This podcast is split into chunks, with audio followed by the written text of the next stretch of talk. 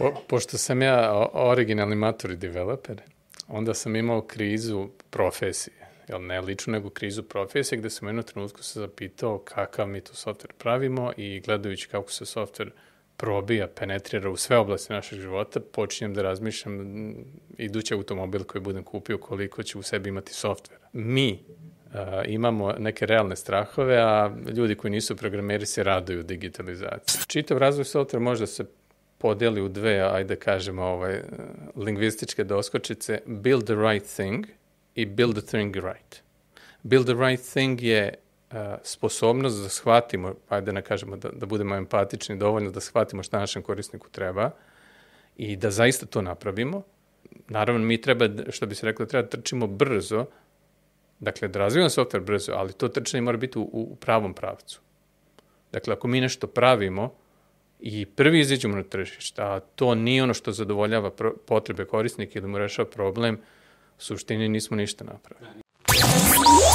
Sve što ste hteli da znate o softverskom inženjerstvu, a niste smeli da pitate. Pozdrav svima, dobrodošli u novu epizodu uh, podcasta IT Tipa. Uh, današnja tema je uh, testiranje i naš gost je uh, Dejan Miličić i danas ćemo da ga malo predstavimo kao a, jednog specijalnog gosta, koga smo više puta spominjali u ovom podcastu i sad konačno a, je tu kao gost. A, Došao je de... da odbrani sve laži koje su izrečene u njegovo ime. A, Dejan je a, software craftsman koji a, je čovek koji piše testove i a, to radi već a, 25 godina u svojoj a, karijeri i trenutno radi kao a, developer advocate u a, RavenDB-u. E pa ovako, Dejane, a, koliko si imao godina kada si napisao svoj prvi test? Sigurno nisam pre 25 godina počeo da pišem testove, tako da odmah da demantujem. Disclaimer. Disclaimer. Iskreno da ti kažem, ne sećam se tačno, ali mislim da je bilo negde oko 2010. A, pa da, pa lepo. lepo 9. 10. E, Uh, pa ništa, onda da krenemo sa, no, sa normalnim uh, pitanjima. Uh, šta bi rekao da je uh, uloga testiranja u softveru? Zašto je bitno, čemu to i tako dalje? Uloga testiranja, nažalost, je da dokaže prisustvo bugova. Aha. U, u prvoj iteraciji. Dalje, a, bar neki moj razvojni put je bio da je to krenulo zaista tako kao dokazivanje da testovi, po, da greške postoje ili ne postoje, da bi ja kasnije u tom nekom pisanju evoluirao i negde iskonvergirao prema BDD testovima, koji mi predstavljaju, ajde da kažemo, specifikaciju koja je executable, dakle koju mm. mogu da izvršim. A, ona mi verifikuje da li sam implementirao ono što treba da implementiram, a nakon toga kako raz, dalje nastavljam razvoj, ta BDD specifikacija sad postaje jedna vrsta regresivnih testova, koji mi osiguravaju da kako dalje implementiram druge stvari, kako refaktorišem, uh, sam siguran da ne uvodim bagove, ono što znam da je dobro radilo. Ne želi promjena u ponašanju. Reci. I da je ponašanje dalje korektno po toj specifikaciji. Tako je. Da, a onda kada ne treba testirati? Pa, ima jedna škola mišljenja koja kaže da ako praviš nešto za jednokratnu upotrebu, uh, suštinski testovi nisu potrebni.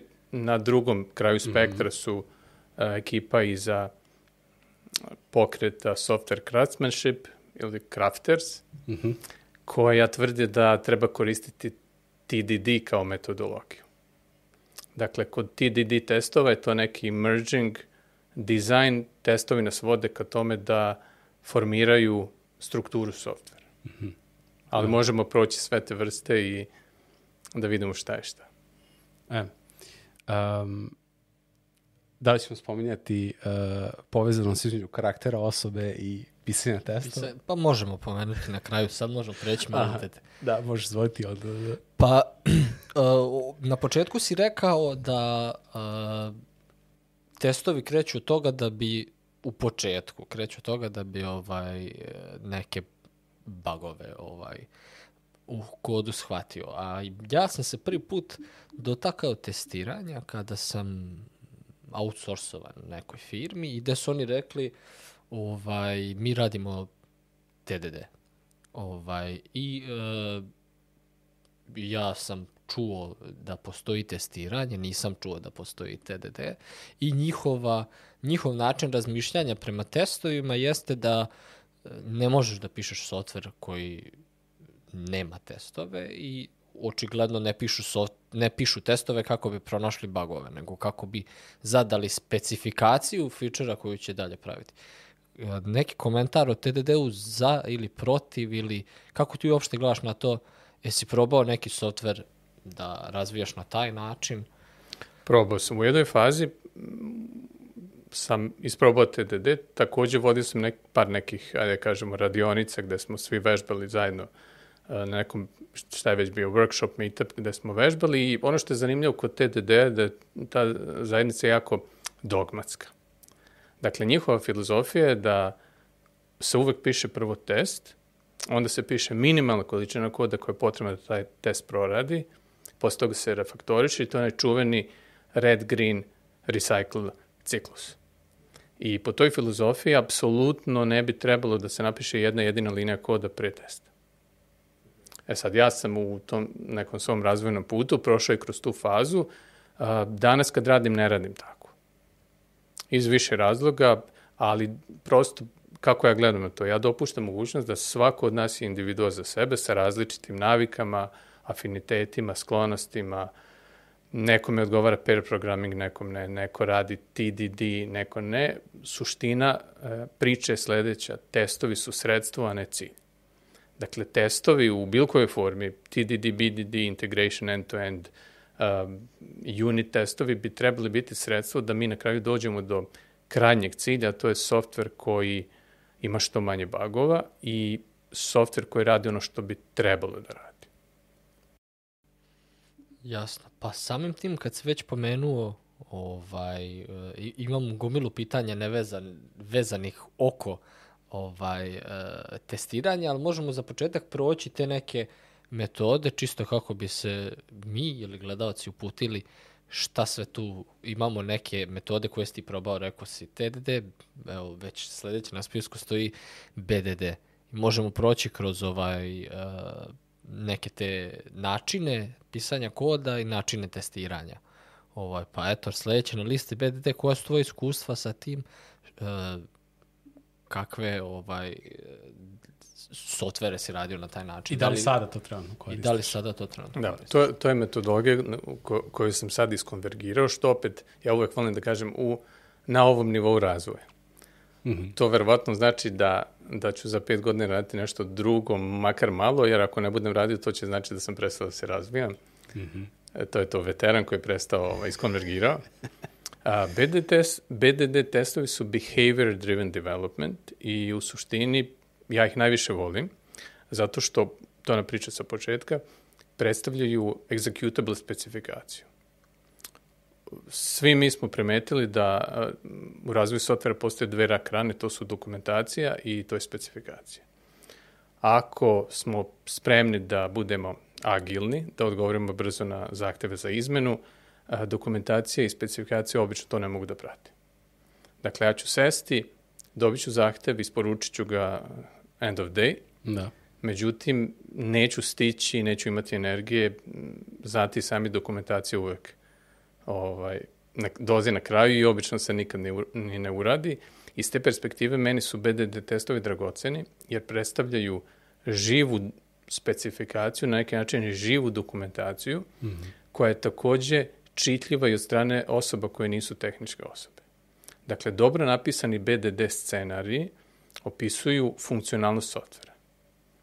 Dakle, opisuju scenarije koji su obično počinju, odnosno triggerani su nekom korisničkom akcijom i opisuju šta su posledice Po sistem postanje sistema. Tako je. Da. Jasno, to mi deluje jako interesantno, pošto verovatno ćemo sledeće proći neke nivoje testiranja, a možda nam daš neki primer za BDD da ono kao, kako bi nazvao test, kako bi nazvao aserte za neki ono najjednostavniji primjer prodavnice ili nečeg tako. pošto Tako, ono što je zanimljivo da kad se pogledaju razne metodologije, BDD, TDD i slične, postoji jedan paritet.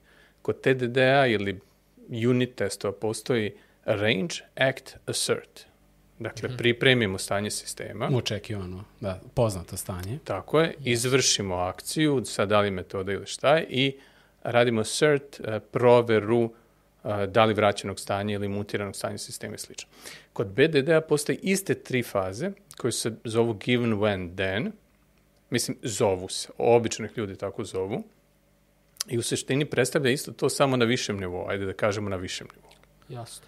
Dakle, jedan uh, given when then, ajde ka, krenemo od onog prvog osnovnog primjera koji je dao čovek koji je prvi ikad napisan BDT test je ATM. Dakle, bankomat. Mm -hmm.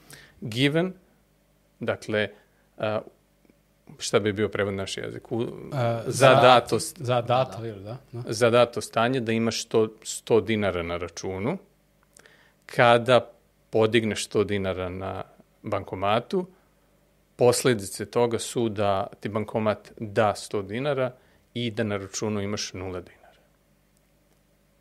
Dakle, ova srednja faza, when, koja opisuje tvoju akciju, ima jedan ili više ishoda.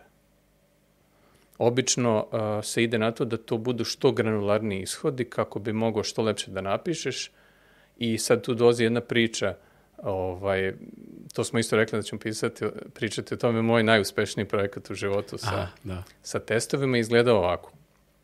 Bio sam konsultant i trebao sam da radim pored mog osnovnog posla i taj projekat. I onda sam prvi put se odlučio da koristim BDD testove i to izgledalo ovako.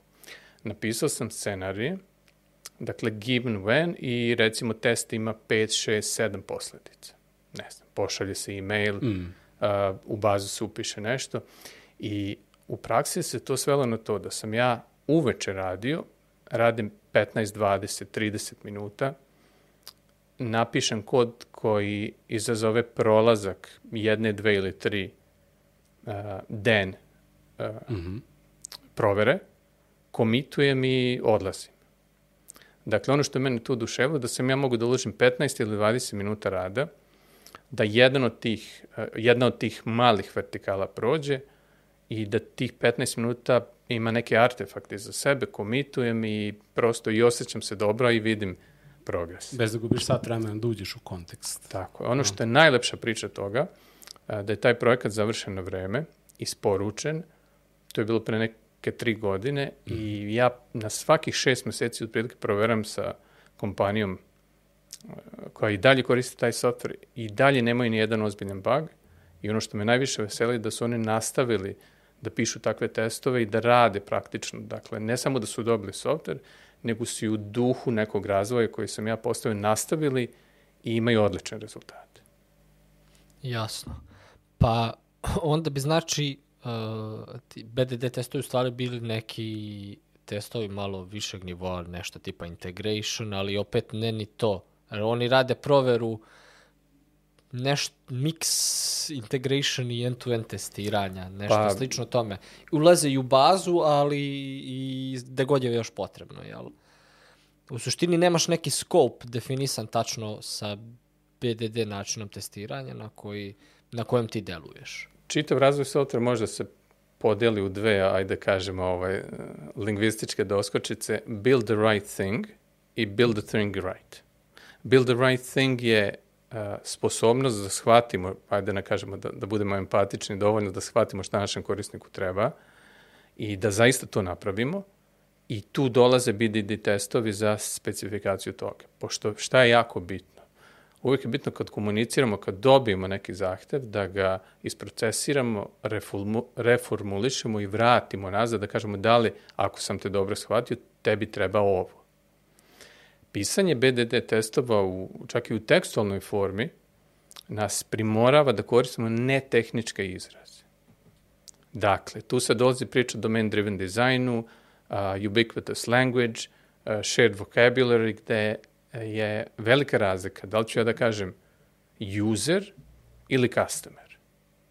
User je tehnički pojam, Customer je biznis pojam ili domenski pojam koji je puno, puno prilagođeniji i kada nekoj osobi koja nije programer kažete customer, on tačno zna na koga vi mislite i ne samo to, postojanje tog pojma customer u testu će dalje izazvati po prirodi stvari da kada kodiramo mi koristimo taj vokabular, a, domenski vokabular, ne tehnički. Dakle, a, s te strane BDD test je odličan jer krećemo s početka priče. A, naravno, mi treba, što bi se reklo, treba da trčimo brzo, dakle, da razvijamo software brzo, ali to trčanje mora biti u, u pravom pravcu.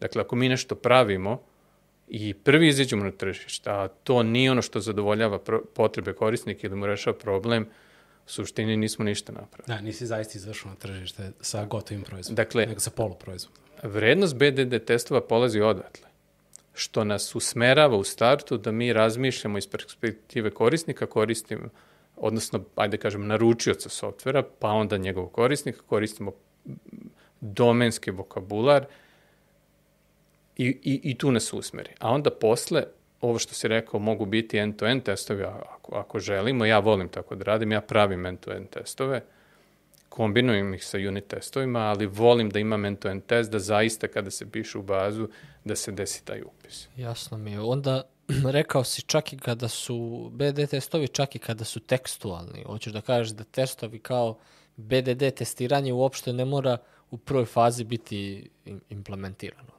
kažem, u kodu ili nešto slično tome. U idealnom slučaju bi se BDD testovi napisali, onda bi se iskonsultovalo sa, sa customerom i nakon te potvrde njih pretvaramo u kod. Jasno. Ali oni i nakon pretvaranja koda zavise šta koristim. Ja recimo ne koristim nikakav framework. Znači, obično ljudi se mentalno vežu da za BDD potreban framework. Ne, možeš koristiti uh, unit testing biblioteku za BDD koristiš neke konvencije, možeš napraviš neki svoj sistem. Ono što bi trebalo biti vrednost je da i u pola faze razvoja može doći neko, da kažemo, u skladu sa moder, modernom filozofijom product owner, koji će pogledati pročitati te testove i reći da ovo su posledice uh, podizanja novca sa bankomata. Jasno.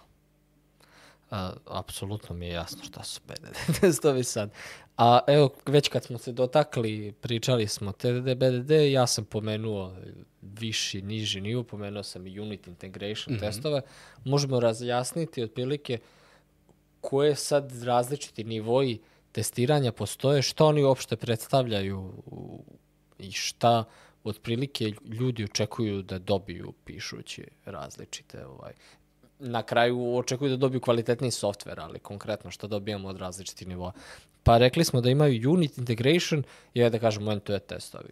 Te se oni tačno razlikuju i šta, koju za prave vrednosti dobijaš uh, sa njima? Pa nisam baš siguran koje tačno vrednosti dobijaš. U suštini trebalo bi skombinovati, ne bi trebalo biti dogmatičan. Opet, testovi su sredstvo, a ne cilj. Jasno. Ko, kogod vidi testove kao cilj, mislim da greši. Usudio bih se to da kažem. Unit testovi su najgranularniji. Dakle, unit test bi trebalo da bude nešto što testira komponentu i to izolovanu komponentu. Kad kažem izolovano, uh, dobar kod, ako težimo dobrom kodiranju, kod bi trebalo da bude izolovan.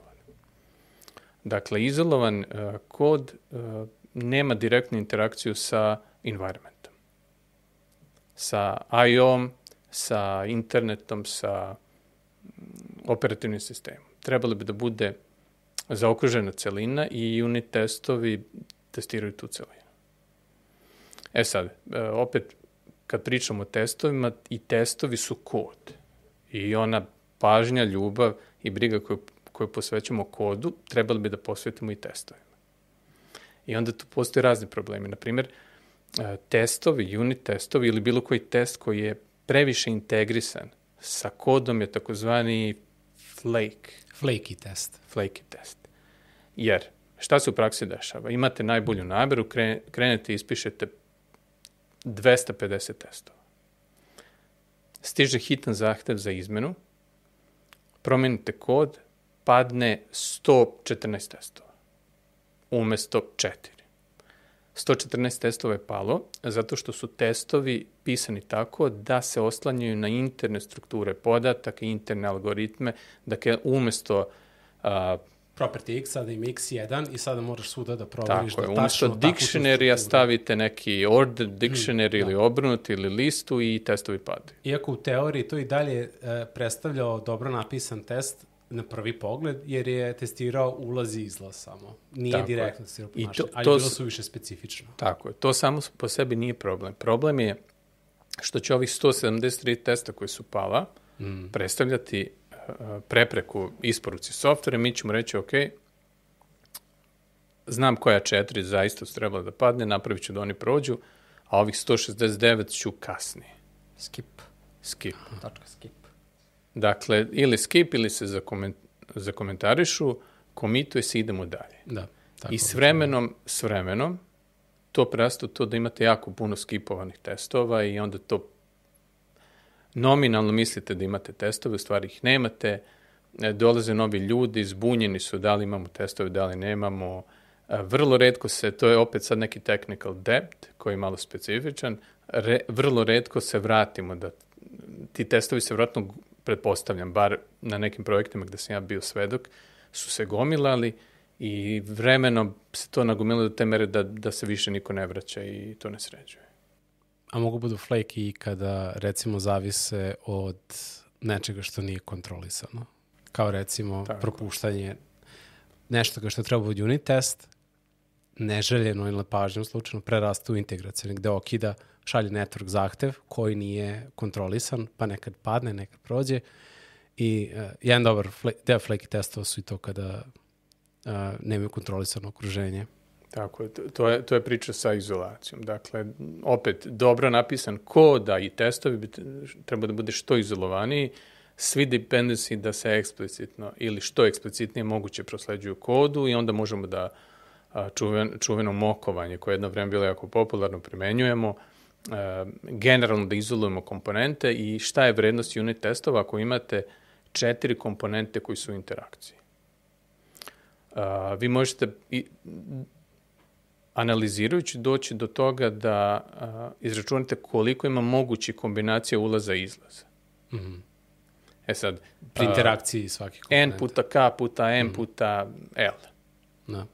To je ukup, ukupan broj putanja kroz kod, recimo, a, kad radi integracioni test softvera od četiri komponente. Mhm. Ali ako izolujete te četiri komponente i za svaku njih posebno napišete testove, vi ste puno veći, e, veću kombinaciju testova pokrili nego a, da ste radili integracijone testove. E tu sad dolazi nešto što inicijalno nismo pomenuli, to je recimo property based testing, za koji primetio sam dosta ljudi ne zna. Mm -hmm. Nažalost, kod, kod testova vredi pravilo da su nekako izolovani u ekosistemima. I recimo property based testing, uglavnom programeri koji rade funkcionalno programiranje koriste, a koristili bi ostali programeri, samo prosto nemaju priliku da se upoznaju. Da. Property ba- based testing je testiranje gde, uh, ja to zovem testiranje za lenje programere. Zašto? To mi treba. A, vrlo zgodna stvar. A, jedan test koji proizvodi hiljade testova. A, napišete, e, uz pomoć Property Based Testing Frameworka, napišete pravila za formiranje ulaza. Mm -hmm. I onda pustite i taj jedan test proizvede hiljade i hiljade konkretnih testova sa konkretnim vrednostima. Dakle, to je generički test koji se konkretizuje u hiljade i hiljade testova. Dakle, da. možete da poterate 10.000 a, unit testova, a, a napišete samo jedan. Primitivna verzija u tome u Jestu je ono it pa each. Pa napraviš Jasno, da, matricu da, da, da. ovaj, mogućih kombinacija ili Samo što kod bi neki da ovde na neki način opisao ulazne parametre, a on bi sam kao ono faker za testove neke. Upravo to, s tim što se onda uspostavi pravila a, kako se međusobno koji parametar odnosi i onda može lepo da se proizvede ogromna količina podataka za testiranje. To zvuči sjajno. Da, a upravo jedna stvar koja je zapravo mala digresija, ali je bitna za, a, za ostatak sadržaja. A, kad smo ono pričali da koji, koja vrsta koda može da preživi a, breaking promene u frameworku, breaking promene na platformi i rekao si da su to izolovan metoda, odnosno izolovan kod. Znači, dobro izolovan kod je onaj kod koji ne zavisi od uh, platforme i frameworka. I, uh, a, i za- a i njih isto. Znači, kada pišem testove, da bi trebalo da, bez obzira kako se bilo šta uvodi breaking change, da to i dalje uh, ne zahteva izmene sa naše strane. Ja bi U dobro... idealnom slučaju, da. To I- zvuči kao da ceo kod pišeš na način da je ceo kod stavljen u neke pure metode. Znači, sve što koriste su dobile kao parametre i to je to. A, pure metoda je još jedan korak dalje u odnosu na izolovane metode. Pure metode se uglavnom koriste ovaj, u funkcionalnom programiranju. i Isolated metode su, ajde da kažemo, neki kompromis u imperativnim jezicima, koji je dobar. Dakle, metoda koja ima a, ulazne parametre i, ajde da kažemo, deterministička je u smislu da uvek za istu kombinaciju ulaznih parametara a, proizvode isti izlaz. Pure metoda isto to plus bez side efekta. Da, ni, nikakav side effect ne urede. Jasno. Jasno. A šta je onda ako pišemo izolovane metode? Pitanje je jedno. Ja sad, e, nije mi jasno u kojoj, e, gde pravimo granicu, gde je tačna razlika između isolated i pure metoda. Znači, pure funkcija. Znači, šta znači onda izolovana a, metoda? Šta ona to onda sme dodatno što pure ne sme? Pure, je, uh, pure metoda može da se dokaže na nivou formalizma, da se dokaže da je da radi to što radi, da nema spo, uh, side efekte, tu dolaze priča o monadama ovaj, ko- koje služe za postizanje, jeli, odgovor na pitanje kako u funkcionalnim jezicima išta napravimo, koriste se monade koje upisuju funkcionalnost. Isolated metoda uh, bi trebala u idealnom slučaju da zavise samo od svojih ulaznih parametara, a može imati side efekte. Jasno. Da. Dakle, ona menja stanje sistema. Menja stanje sistema, a trebala bi da, da ovaj, u idealnom slučaju, ako pazimo, da zavisi samo od ulaznih parametara. Jasno. Um, ima jedna vrsta testova, odnosno uh, pridev koji se koristi za opis integracijonih testova, a, a to je flow testovi. Recimo, um, kada je veći proizvod u pitanju i sada a, svaka funkcionalnost ima mnogo dodirnih tačaka sa svim i svačim, kompleksne stvari, a, nekad samo treba potvrditi da sve i dalje funkcioniše, da nešto samo prođe i da aktivira a, sve stvari, što u suštini već slučaj na frontendu i JavaScriptu, gde samo da prođe da vidi da nije završio neko stanje gde uh, ima pogrešnih varijabli, pogrešnog skopa i tako dalje. E sad, uh, kako je tvoja praksa sa flow testovima? Recimo, znači, meni otprilike uh, najviše u frontendu sam vidio da se ljudi uh, drže njih, a na backendu uh, je uglavnom mnogo čistija čistija priča da se zna po nivoima gde šta ide i da ono testovi budu specifikacije, nema potrebe za flowom, je li tako? Ja, ja, ja bar do sad nisam nešto puno koristio takvo testiranje. Da, to ja je sam da. primarno backend developer. Da, to je da, to je, to je da. Um, e sad, uh, imamo jednu interesantnu uh, interesantnu temu uh, koja zahteva da je softver napisan dovoljno uh, kvalitetno, da se onda može uveti, uvesti specijalan uh, tip testova koji namerno pokvare kod i provere uh, da li tvoji testovi su uh, uhvatili taj kvar, odnosno tu, taj defekt koji uh, je uveden namerno. I to su uh, mutation testovi. E. Uh, mutation testovi mogu se koriste kao neka mera kvaliteta testova u codebase-u ili i samo kvaliteta codebase-a. Ja bi se vratio korak nazad Aha. i otprilike bi objasnio kako su uopšte nastali mutation testovi. Aha, može, da. Čuveno pitanje koje, koje nismo dotakli je ko testira testove? Baš sam sad teo, ali... Aha, aha. Ko testira test? Ko testira Pošto je i testove? to kod, jel? Da. Tako je. Dakle, šta se dešava ako mi napišemo test koji je pogrešan i on prolazi? Mhm. Znači imamo onu priču false, false negative, false positive, moguće Da. kombinacije. Odgovor bi ukratko bio da kod i testovi međusobno testiraju jedno drugo. Da. Da, Da. kada promeniš kod, Tako je. Dakle, uh, scenariju, scenariju uh, gde se dve greške ponište je moguć i tome služe mutation testovi. Dakle, Ja mogu da napišem test pogrešno, da pogrešno asertujem i mogu imati kod koji daje pogrešan izlaz, ali greška u testu kompenzuje grešku u kodu. U, u, u takvim nekim slučajima, da. da. I onda mutation test, recimo, jedna od stvari kojima, z- zbog koji služi da uradi tako nešto. Dakle, da uvodi kontrolisane mutacije promene u kod i pokušava da otkrije neke i, i takve slučajeve i još neke druge slučaje. Da. A, da, a, a istovremeno a, kada recimo krene da uvodi greške, izmene u kodu, a svi testovi dalje pasuju i nijedan ne pada, šta to onda znači da su... Be worried. Be worried, znači, very A to je worried. onda možda znak da a, testovi a, nisu napisani dovoljno dobro i da ne mogu da uhvate a, promene u ponašanju Ili sistema. taj deo koji mutiramo nije pokriven testovima. Ili da taj deo koji je mutiran nije uopšte pokriven tada. I to možda bude. I onda mora da se gleda a, code coverage da bi se Tako je. dao na zaključak. Čuveno pitanje je da li testovi treba da pokrivaju 100% koda. A, a, Šta uopšte da? Eto, to je pitanje. To obično ovaj lepo zvuči kad kažeš produktu. Znaš, kad kažeš produktu testiram, pa on kaže, pa zašto? Sad mora toliko vremena, ti kažeš, pa za 100% kod coverage. I on kaže, pa znači, bug free, jel? Šta uopšte znači 100% kod coverage e, za ljude koji ne znaju, a za ljude koji znaju šta dobijamo sa njim, da li išta dobijamo? Mislim, očigledno da nešto dobijamo. Dobijamo 100% kod coverage, ali još nešto pored Do, toga. I braggable uh, metriku, kvantifikaciju. A, tema je pomalo kontroverzna, pošto uh, menadžeri koji prihvate testove, što se zaista ponekad dešava, jel, da menadžeri prihvate testove, a, nekako primetio sam da teže ka tome da, ka neko, neću reći dogmi, ali nekom apsolutizmu.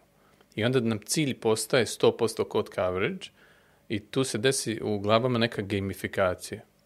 I onda ljudi a, pišu testove i zaboravaju šta je cilj testova. Dakle, Pa u tom trenutku cilj postane coverage. tako je. Dakle, ono, opet idemo ono, ono priču sredstvo i cilj. Testovi su sredstvo. U trenutku kad nam bilo koje sredstvo postane cilj, clean code, testovi, bilo šta, nismo na dobrom putu. Bar- Znači, pišemo testove koji samo služe Tako. Imati pokriv... Dakle, šta je code coverage uh, 100%? Uh, testovi izvršavaju naš kod i tokom tog izvršavanja različite putanje kroz kod se izvršavaju. I pošto je kod po prirodi stvari i obično završi kao kompleksna mašina, a, tih putanja postoje jako puno.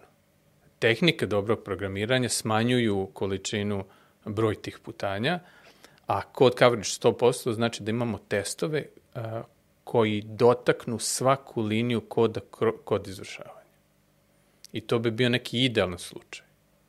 I to je odlično, nema ništa loše u tome, ali sam viđao isto tako ve, velike projekte koji nemaju 100% code coverage, niti se preterano gleda, a opet su vrlo, vrlo solidni.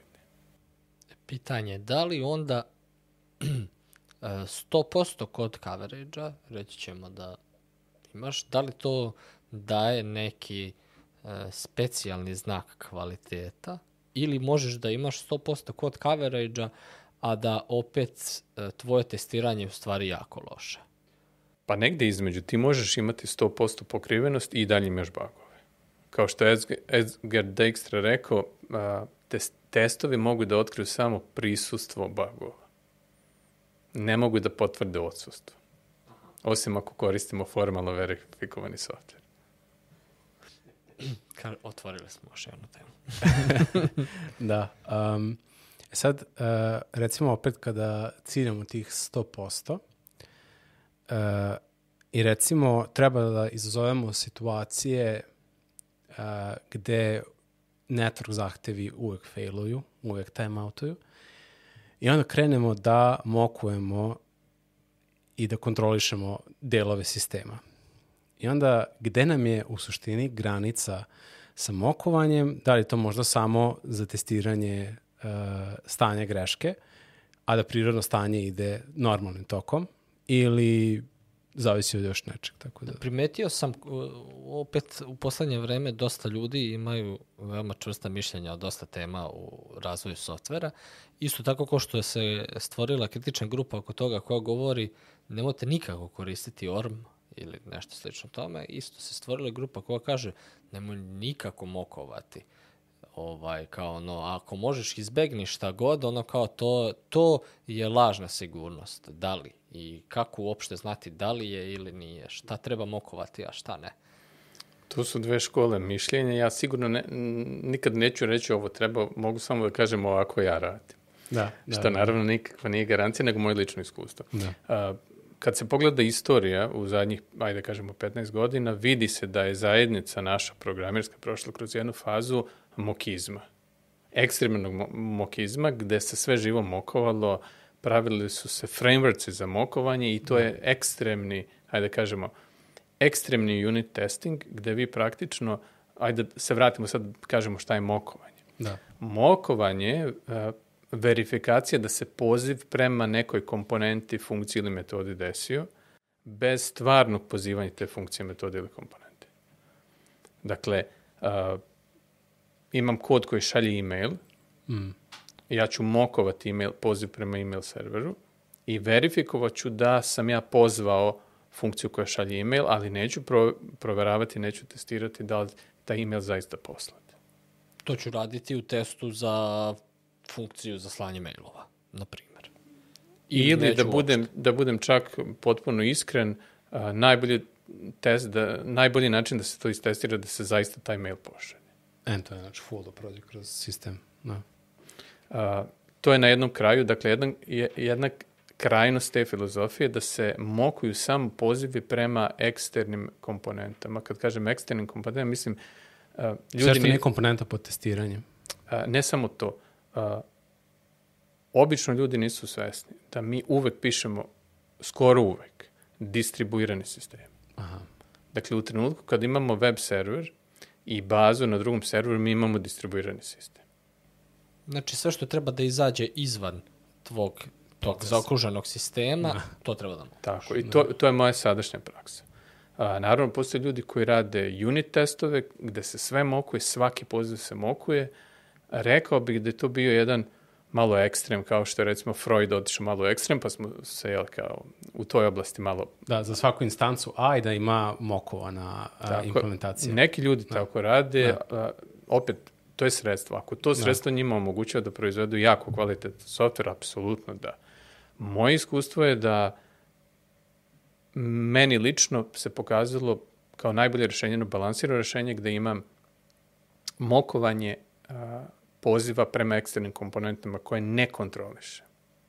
Dakle, bazu kontrolišem, bazu ne mokujem, email server obično koristim neki servis na internetu, to ne kontrolišem, to mogujem.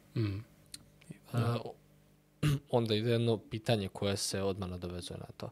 Znači, u trenutku kada radiš unit testiranje i a, rekao si bazu ne mokuješ.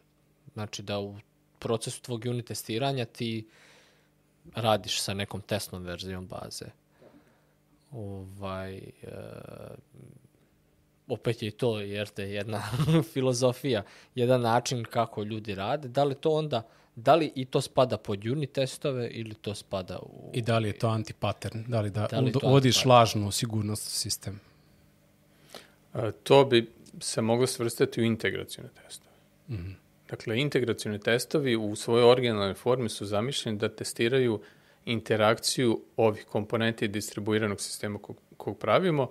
Opet, meni lično se pokazala najbolja kombinacija a, kad uzmem pogledam neke kvalitetne projekte koje sam radio, imam unit testove za metode koje su izolovane, funkcije, komponente, šta mm -hmm. već, i imam ajde da kažemo, to bi možda čak bili end-to-end, pošto sam ja backend developer pa pravim neke API-e, onda bi to, moji testovi bi bili end-to-end integracijni testovi. Mm.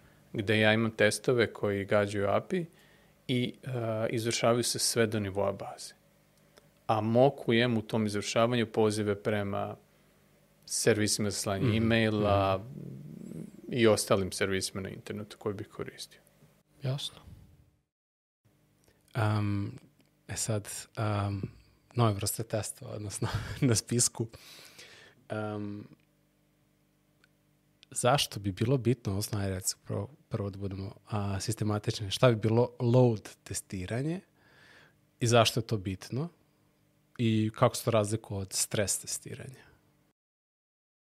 Čuveni Black Friday ili koncert za koji kupujemo karte i čekamo, otiđemo na sajt jedne domaće prodavnice karata i imamo red čekanja. Fantastična digitalna simulacija fizičkog života i mi čekamo i kaže vi ste uh, 450 i To sam čak da. i video, da. Kad je Balašević imao koncert. Tako je. Upravo to. Uh, load testing služi, služi upravo tome. E sad, opet da se vratimo nazad. Kada vam neko dođe i kaže meni treba brz sajt, mm -hmm. brza aplikacija, puno korisnika, ti pojmovi ne znači ništa. Ono što morate uh, insistirati je da se takozvani SLA specificira. Mm -hmm. A SLA izgleda otprilike ovako.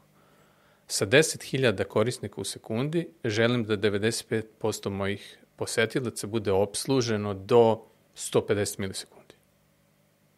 Znači, da. to je striktno formulisan kriterijum šta znači brz sajt, šta znači želim da prodam puno karata u isto vreme. Da. Kada se to definiše, onda imamo vrlo a, jednu lepu stvar, to je da tačno možemo da testiramo to što napravimo pre isporuke. Pre nego što se desi prodaja karata za, za taj koncert ili ligu šampiona ili za šta već prodajemo. I onda radimo takozvani load testing gde simuliramo 10.000 istovremenih ili 500 istovremenih korisnika i pratimo vreme odziva. I možemo da procenimo koja infrastruktura, je potrebna, koliko će se njima brzo učitavati. Da smo mi nešto zabrljali, da mi treba u kodu nešto menjamo. Ako bi pravili neke ovaj, paralele sa fizičkim svetom, to bi bilo kao ono testiranje mosta kad se proteraju oni kamioni, mm -hmm. pa se beleže opterećenja strukturalnih komponenti mosta. Još je, još je lepša stvar, Da. ako uh, testovi koje inače pišete mogu lako da se konvertuju u, u load testove. Mm, zato što imamo to ponašanje. Tako je, na primjer, na primjer ja imam uh, neki framework koji zove Bomber, mm. Koji ove moje BDD testove, koji su tehnički implementirani kao preko unit mm -hmm. frameworka, on može da mi proizvede opterećenje za uh, preko tih testova. Mm -hmm. I ono što je jako zanimljivo, uh, do sad sam uglavnom kod load testinga imao problema da generišem dovoljno load. E, da, to je, to je interesantno pitanje. Recimo- da neki tipa onaj K9. K6, K6, da. K6 Load koji sam ja, koji sam ja probao da koristim i jednostavno nije mi proizvodio dovoljno loada i onda sam otišao na Work2, WRK2. Da, i artiljerija isto ima I.O., ali da, fore što nije isto kada ti na svom računaru zavrtiš 10.000 threadova na, na procesoru koji ima 10 jezgara i jedna tvoja a, mrežni priključak u odnosu da recimo stvarno se zavrti 10.000 virtualnih mašina koje se sinhronizuju i tačno u isto vreme pošalju HTTP zahtev ka tom serveru a, u istom trenutku sa različitih a, mrežnih resursa, recimo na AWS u virtualne mašine. Da, to je, to je, to je jedin pravilan viđao način za load viđao testing. sam, pošto ja najviše radim e-commerce, pre svako puštanja velike reklame ili pre svakog Black Friday-a i tako nešto se dešava to. I, e, Znači, pokrećemo gomilu mašina i testiramo nedelju dana pre toga šta će pući. Nekad čak i na ono UAT-u skoro live-u, znaš. Čisto da vidiš hoćemo prsnuti. ima jedna, Kad bude bio load. ima jedan interesantan got you, uh, što kad to testirate, ali testirate na produkcionoj bazi i na bazi koja je nastala od pro produkcione sa istim količinom podataka ili neki staging sa Kobayagi podacima. Pa ne radim ja load test. E, ali to, to je recimo, recimo kod nas u... Ja pratim, meni obično kažu bit će nam testiranje tad i tad, Aha. ovaj, prati šta se dešava sa tvojim A, servisom. a, a, da, recimo, evo jedan gotcha za, za ovaj, što se Da nama... radim frontend, pa ne znam baš A, ko a, baza. a, nama se desio jedan gotcha gde ovaj, a, imali smo staging, kada opteretiš sa hiljadu korisnika radi, dev kad opteretiš sa hiljadu korisnika radi, production kad opteretiš sa hiljadu ne radi. Razlika je bila u strukturi podataka gde su bile neke uh, relacione uh, strukture koje su zapravo bile graf. I konstrukcija toliko velikog grafa se tek na produkciji desila. Jer, jer uh, staging dev nisu bili dobri predstavnici uh, workloada, odnosno uh, stvari koje se radi uh, stvarno na produkciji. I ima još jedna stvar koji, koje, nažalost, ljudi nisu svesni, a to je da svi cloud provideri uh, imaju katastrofalan I.O. kapacitet. A, da. Dakle, a, a, diskovi na AWS-u, Azuru su vrlo ograničeni i to obično ljudi ne uzmeju u obzir. Da. I većina tih diskova imaju one burstable kredite koji omogućavaju uh, žestok load u jednom, ajde kažem, kratkom vremenskom periodu, na primjer na AWS-u 30 minuta. Mm. Nakon toga vi da ste istrošili te kredite i praktično uh, zahtjevi koji idu prema disku m, idu u queue. Da, i a, da bi uzeo tu klasu koja ti treba, a, ona je a, mnogo skuplja za, za a, skoro neograničen broj operacija. Tako imaju anomalije da, na primjer, na AWS-u, ako se dobro sećam, mm. premium diskovi imaju niži I.O. capacity od standard diskova. Aha, za, da. Što računaju a, brst i ostalo. Da. A ovi su stalno kao u tom režimu, da. A, e sad, a, jedna bitna a, stavka. Kada su testovi štetni? Šta je test induced damage? Test induced damage je pojem koji je uveo uh, DHH, Gospodin. gospodin DHH, nisam se pripremio ovaj, pozdrav kolege koji radi Rubi, prehodnom gostu, jednom od prehodnih gostiju. A, bio je vrlo zanimljiv dvoj ili trodelni razgovor između DHH, Martina Fowlera i Još nekog koji- bitu čovjeka. bitnog čoveka koji, koji je uveo ponovo testove u modu i sad mi je stao aha. mozak. A, ukratko, test induced damage bi bilo prilagođavanje našeg koda testovima. Dakle, a, testovi, mogućnost da izvršite testove, napišete, izvršite testove, neka vrsta implicitne potvrde da je kod prilično dobar. Znači, mogućnost da možete testirati znači da ste neke, ajde, da kažemo, minimume nekih trenutnih standarda u našoj struci ispunili.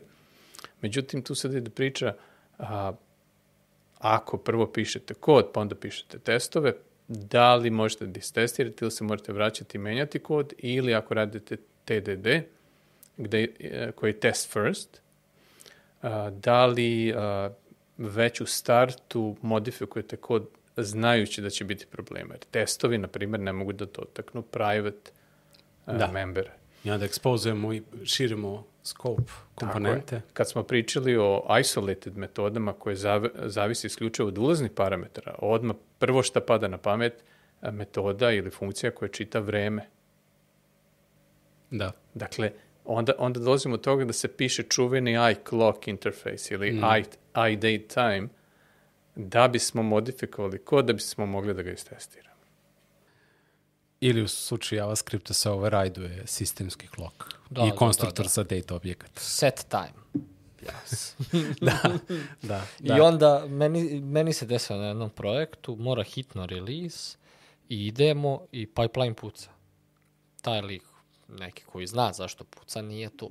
I puca i puca i puca i puca, testovi su u pitanju, gomila jednom testova ne radi, drugi je decembar, klok je namešten na prvi decembar, imaš gomilu testova, pošto je booking u pitanju sajt, dosta imamo veze s kalendarom, koji proveravaju dalje nešto u budućnosti i od tog trenutka više nije Budućnost se desila. budućnost se desila. I onda je on došao i pomerio za mesec dana i rekao, ajmo sad, ovaj, vidimo se 2. januara.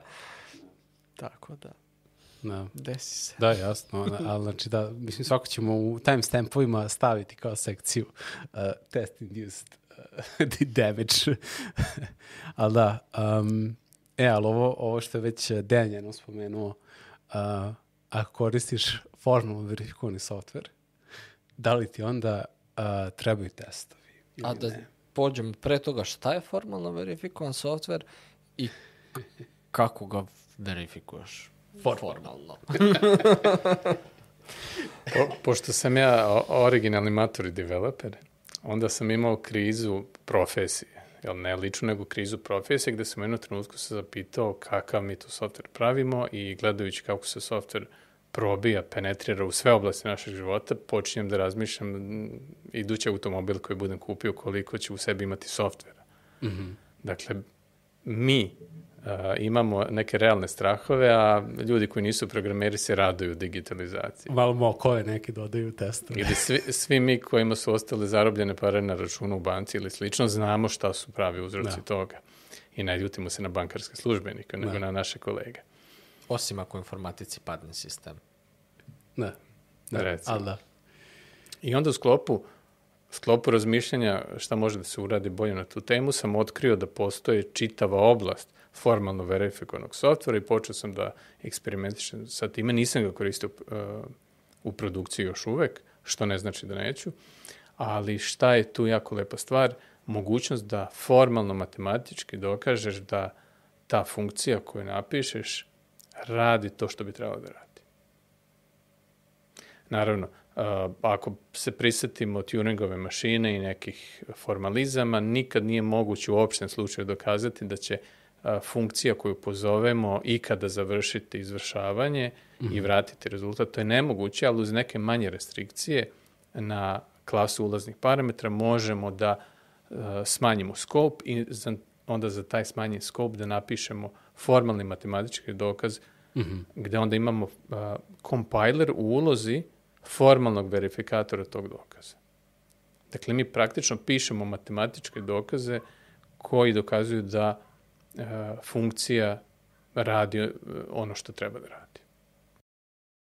I za to je onda a, idealno da kod koji pišemo a, može se predstavi funkcijama. Odnosno Tako se koristi a, Ta klasa, ta klasa uglavnom se odnosi na funkcionalne programske Da, jezike. da.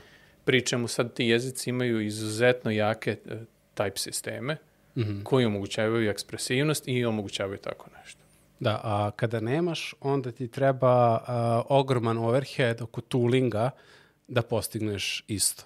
Pošto valjda u embeddedu za C i ostalo a, imaju isto tehnike da rade formalnu verifikaciju, ali to zahteva ogromne količine statičke analize i kontrolisanog Tako. transformacije koda. Ajde da kažemo, statička analiza na tragu, na tragu toga. Na- Aha. Koliko, koliko je onda pisanje takvog softvera kompleksno? Ili je samo verifikacija tako napisanog softvera kompleksna? Ajde, ajde da kažemo ovako. Ja bih rekao da je kompleksnost ista, samo što rad provodimo na drugom mestu. Kada napišem nešto u imperativnom programskom jeziku, određenu količinu vremena ću provesti debagirajući. Pišući testove koji verifikuju i debagirajući, otklanjajući. Ovde uglavnom se pod na, znacima navoda patim da iskompajliram.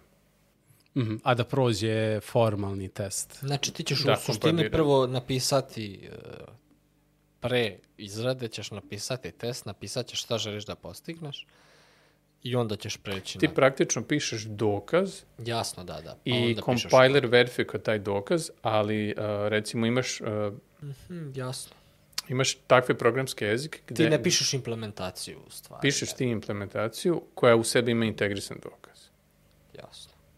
I onda praktično ti dok, dok ti kompajliranje ne prođe, ti praktično potrošiš to vreme, međutim onda kad se to jednom okonča, ti, ti znaš da imaš solidan komad koda i ono što ja uvek volim da kažem, e, obično reakcija ljudi na ovo, a to je neka teorija. Međutim, e, svi mi imamo takve e, dodir sa takvim softverom da nismo ni svesni, recimo ono sa čime svi imamo dodira, Firefox, Firefox ima formalno dokazane kriptografske primitive implementirane u jednom takvom jeziku i onda compiler, uh, osim što verifikuje, compiler generiše. Dakle, vi kad napišete u nekom višem programskom jeziku tog tipa, kao što je Idris Agda ili, ne znam, F-star, mm. onda compiler generiše C, JavaScript ili nešto drugo, Python, Rust. A da, ti- a rekao si da su Znači, bili ti formalne... bi mogao da generišeš formalno verifikovan JavaScript. Da. A, a time je rekao jednom dan da je i a, kroz pisanje uh, formalno verifikovanog dela za uh, enkripciju za TLS, za handshake, otkriveni su rupe u specifikaciji. Odnosno Tako je. stanja koje nisu uračunata pri prelazu automata. A, to se zove projekt, Project Everest. Aha, da. Postoji na, postoji na internetu izloženi. Oni su bukvalno tri ili četiri. Dakle, oni su uzeli specifikaciju TLS-a 1.3, krenuli su da pišu formalnu, uh, formalnu verifikovanu implementaciju protokola, koristeći uh, verifikovane kriptografske primitive Mm. i onda su u procesu implementacije otkrili tri ili četiri greške u specifikaciji. Da. Jer to je- opet, Da, opet dolazimo do ono executable specification. Da. I onda su praktično otkrili da, da to što im ne radi kako treba, ne radi kako treba jer je greška u specifikaciji. Dakle, ajde kažemo neki test koji su oni napisali, koji je padao, padao je jer specifikacija nije rekla, se dobro rekla šta treba da se radi. A sve smo počeli od pitanja da li za tu klasu softvera treba test, ako se vratimo na on, onu priču build the right thing i build the thing right, vertikala build the right thing i dalje ostaje. Dakle, nama i dalje treba neki BDD stil, scenarij i slično koji opisuju šta taj softver treba da radi, jer mi njega zapravo pravimo da bi on nešto radio. I možemo da ga napišemo savršeno ako on ne rešava stvarne probleme, nego ako mi izmislimo ovaj, tipična boljka startupa, rešenje u potrazi za problemom. Dakle, ako napravimo nešto što ne rešava stvarne probleme, mi smo promašili cilj, ja- iako mm -hmm. može da bude formalno verifikovan perfektan softver. Jasno. Pa ovde, ovaj, evo, s, e, na listi pitanja dolazi ovaj, jedno, nešto veoma zanimljivo.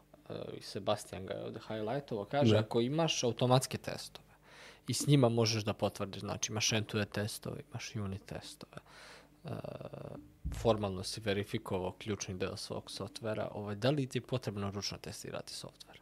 Opet pričamo, se vraćamo na ono e, rečenicu koju si malo pre rekao, ali eto, možemo opet pričati o tome. Pametni ljudi od mene su rekli da treba. Otprilike postoji neka a, podela, odnosno to može da se predstavi kao jedna matrica. A, imamo a, jedna, jedna dimenzija te matrice je kritičnost komponente, mm -hmm. A druga dimenzija matrice, dvodimenzionalne, je koliko često se nešto koristi. Aha. I onda možemo da kažemo, na primjer, login forma je primjer nečega što je kritično za svaku I stalno aplikaciju se koristi. i stalno se koristi. Za to je potrebno i automatski i ručni test. Jer su moguće naravno greške, a te greške bi bile fatalne. A na drugom kraju bi bilo nešto što nije kritično i mm -hmm. što se ne koristi često i obično kao primjer toga navode čuvenu kontakt us formu, gde ako vi uh, na toj stranici navedete i telefon i e-mail i imate kontakt formu, čak i ako ta kontakt forma ne radi, a nekome trebate, velika vjerojatnoća da će on naći način da, vas kontaktira.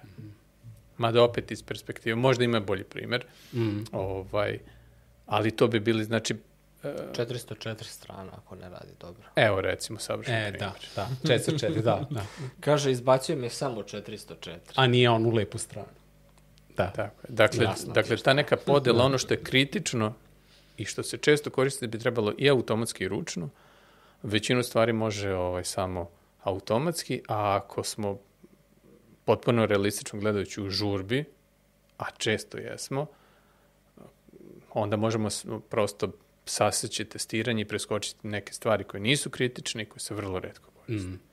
Ali neke stvari kao što su login, uh, stranica u e-commerce, shopping cart, checkout proces su kritični i to bi trebalo testirati i ručno i automatski. Onda se tu postavlja pitanje, pošto si rekao nešto je mogo preskočiti ili je kritično, koliko uh, kao softverski inženjer uh, ti treba da kažeš ili koliko treba da pristaješ na ponude koje kažu pa nemoj testirati. Naprimjer, ti sada isporučiš uh, š, ono spisak svom nadređenom koji treba da preda klijentu i ti kažeš imat ćemo 200 sati na neku vrstu testiranja. I on kaže, može 100. sad bih ja trebao, u, u, da je ovo film, ja bih rekao ne, treba, bi, treba beskom promisno uh, držati uh, čast naše i dostojanstvo naše profesije, ali život Ne. nije takav, naravno. Uh, izuzimajući redke slučajeve, ljudi koji su potpuno uh, nezavisni od industrije, svi mi radimo negde i svi mi primamo platu negde i svi mi moramo da budemo i trebali bi biti neki dobri igrači u timu i ne bi trebalo da budemo dogmatični nego pragmatični.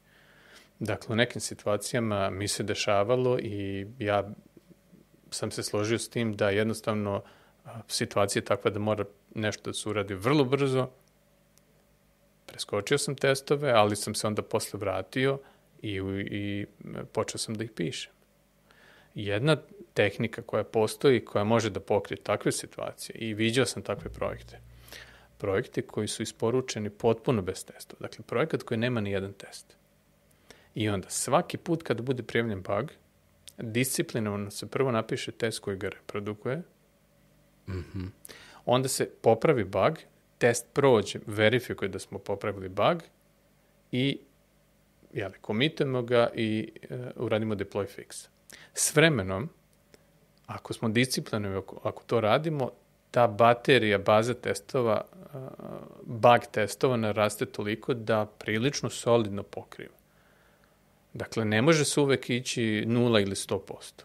Postoje neke nijanse sivog ili ružičastog. strategija. Da nisam niti čuo, niti bi mi palo na pamet, ali... Ali- S, fantastično. Da, ali ako pišeš test samo kao, uh, recimo, samo pri uh, nailaženju na bug, i ako test služi da ponovi da li je bug, taj bug, taj konkretan bug tu, je to onda regresioni test?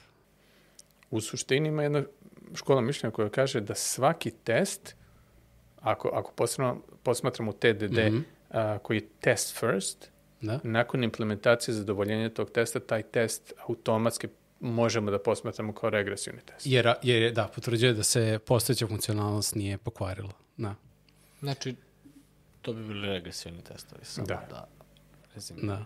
A ovaj, da li onda uh, prisustvo, to jest ne mora se možda direktno naleže na to, ali uh, da li je dedicated QA department anti-pattern ili ne? Znači, oni se najčešće bave regressionom i proverom da je ceo sistem i dalje uh, ok.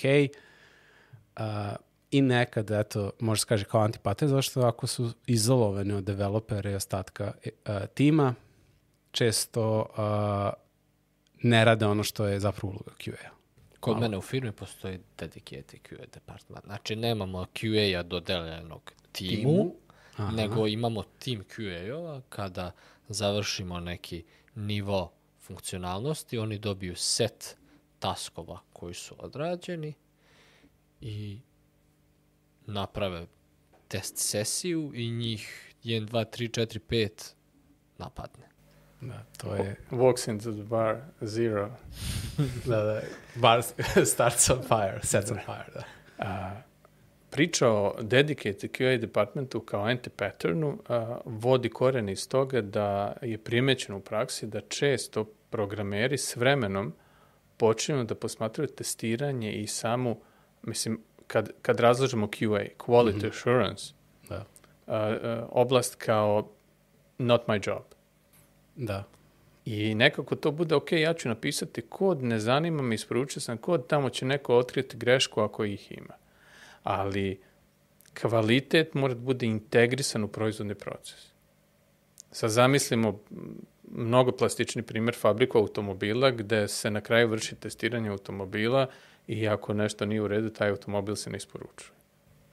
Na samom kraju. Na samom kraju. I šta ćemo onda uraditi? Ako se dobro sećam, Fiat kad je ušao u Kragovec imali su upravo taj problem. I onda se radilo na edukaciji promjene pr proizvodnog procesa tako da je kvalitet postao sastavni deo. Ako je to zaista u pitanju, ako su programeri svesni, onda dedicated QA nije anti-pattern, nego je fantastična stvar, jer može da preuzme neke stvari koje su nama dosadne. Mhm.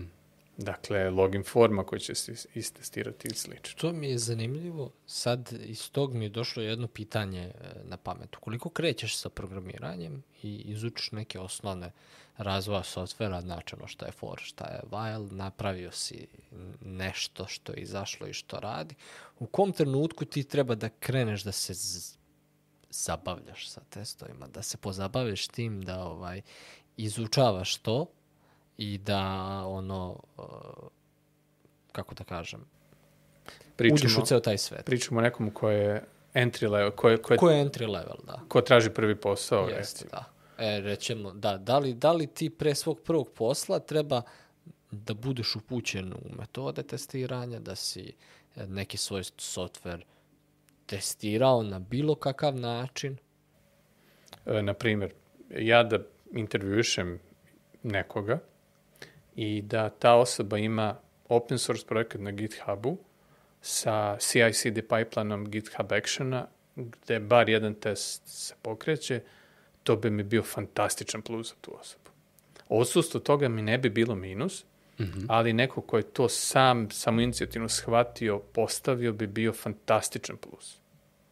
da. Dakle, Zato što, da, Mislim, mislim da je vrlo bitno da neko ko počinje shvata čemu testovi služe i da ima neko elementarno znanje kako se pišu, a posle se tehnička veština usavrši. da, zato što nisam siguran, možda sebe zna kako Da. ide ovaj obuka, ne, recimo po kursevima ili Da. nešto slično tome, da li oni tamo a, uče ljude da je testiranje softvera a, integracioni deo softverskog Integralni. integralni deo softverskog inženjera. Znači, ne možeš da pišeš softver bez da ne znaš da ga da budem- istestiraš. Da budem iskren, ne znam. A, spominje se po, znači često se veže uz recimo a, i fakulteti, departmane, gde se a, u nekim trenucima na samom kraju obrazovnog ciklusa spomene da postoje testovi.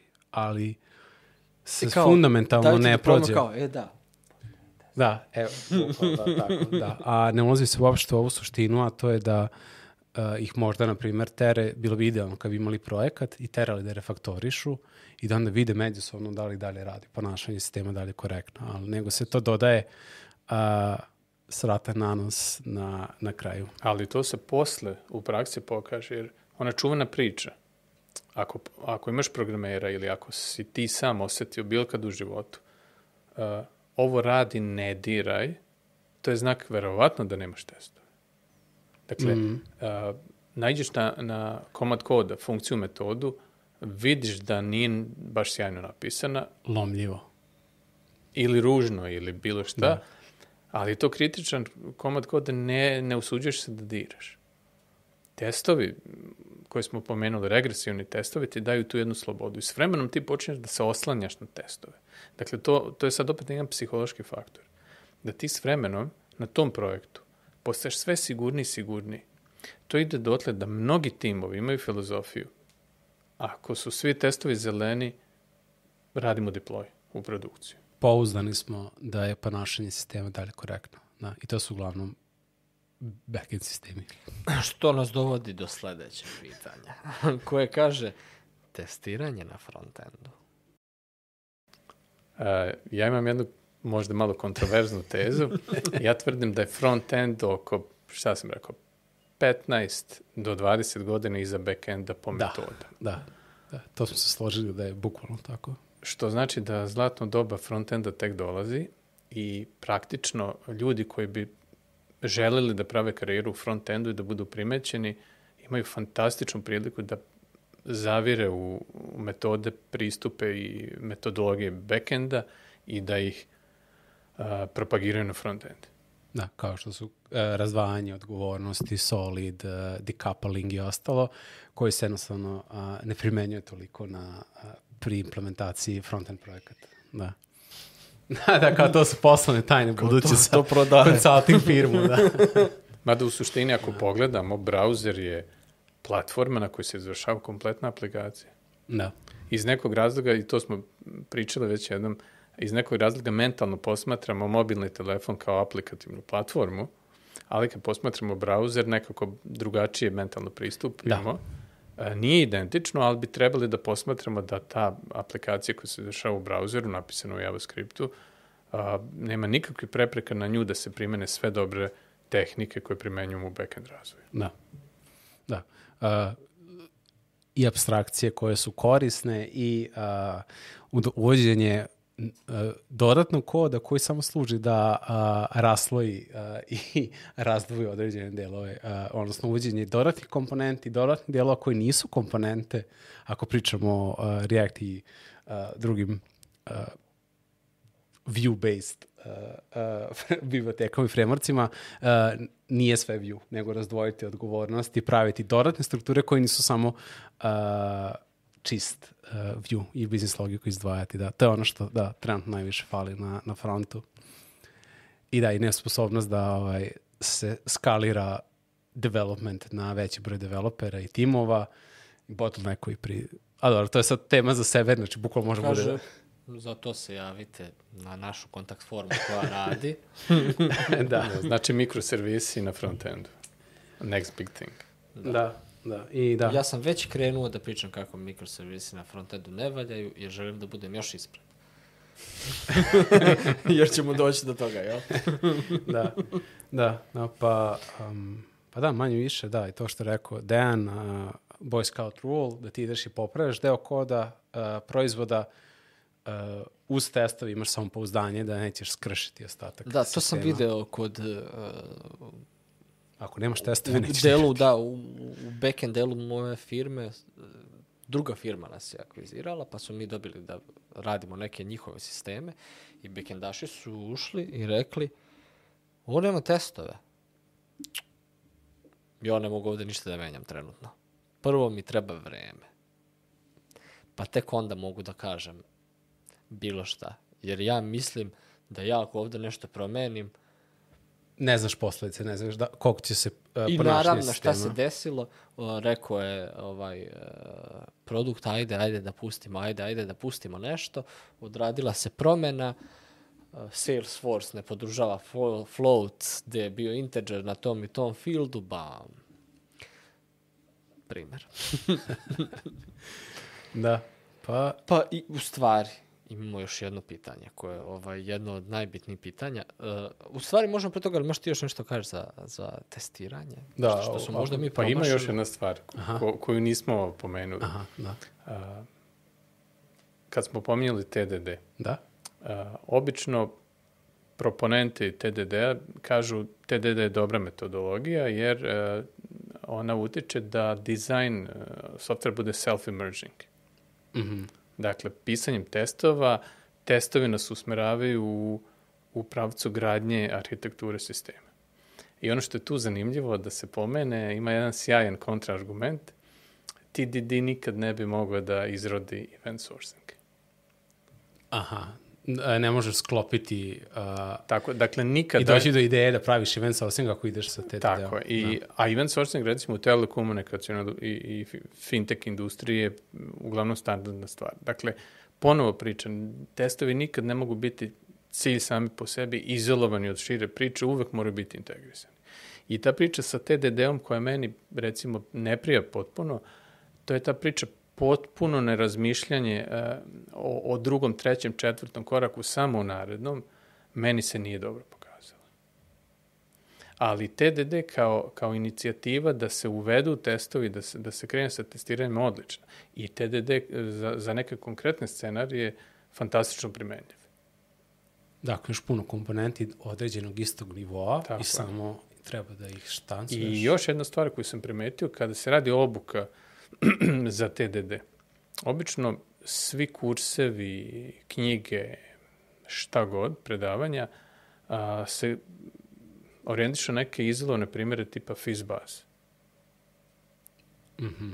I onda mladi developeri imaju problem da naprave taj jedan primjer, ok, odradio FizzBuzz iz slične kate, Mhm. kako sada napraviti tranziciju prema korišćenju testova u produkcijnom okruženju. To sam primetio da je veliki uh, jaz između te neke izolovano, izolovanog pisanja uh, testova za, u katama Da. i početka primene. I realnog Da. Da.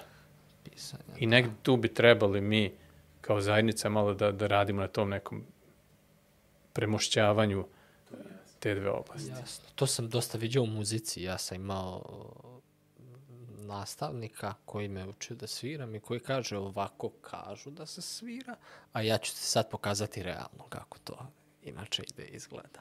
Hmm. Zanimljivo. Znači ti da nisi programer bio bi muzičar. Da. A šta bi ti bio da nisi Pa programer? ja bi verovatno bio novinar. Novinar. Da, Novinar. Istraživački novinar. verovatno. Odnosno, to je jedna vrsta novinarstva koje ima smisla. Tako da, Šta misliš o testiranju u novinarstvu? Šalim se. Eto, dobro. Uh, Dejane, hvala ti što si bio gost u našoj emisiji. Odlična emisija. Ovaj, ko nije bio upućen u testiranje, ja sam mislio da je sam, ali sad vidim da nisam. Ovaj, mislim da će dosta dobre stvari. Nisam ni ja učim još uvijek. Hvala ti još jednom. E, vidiš. Takođe.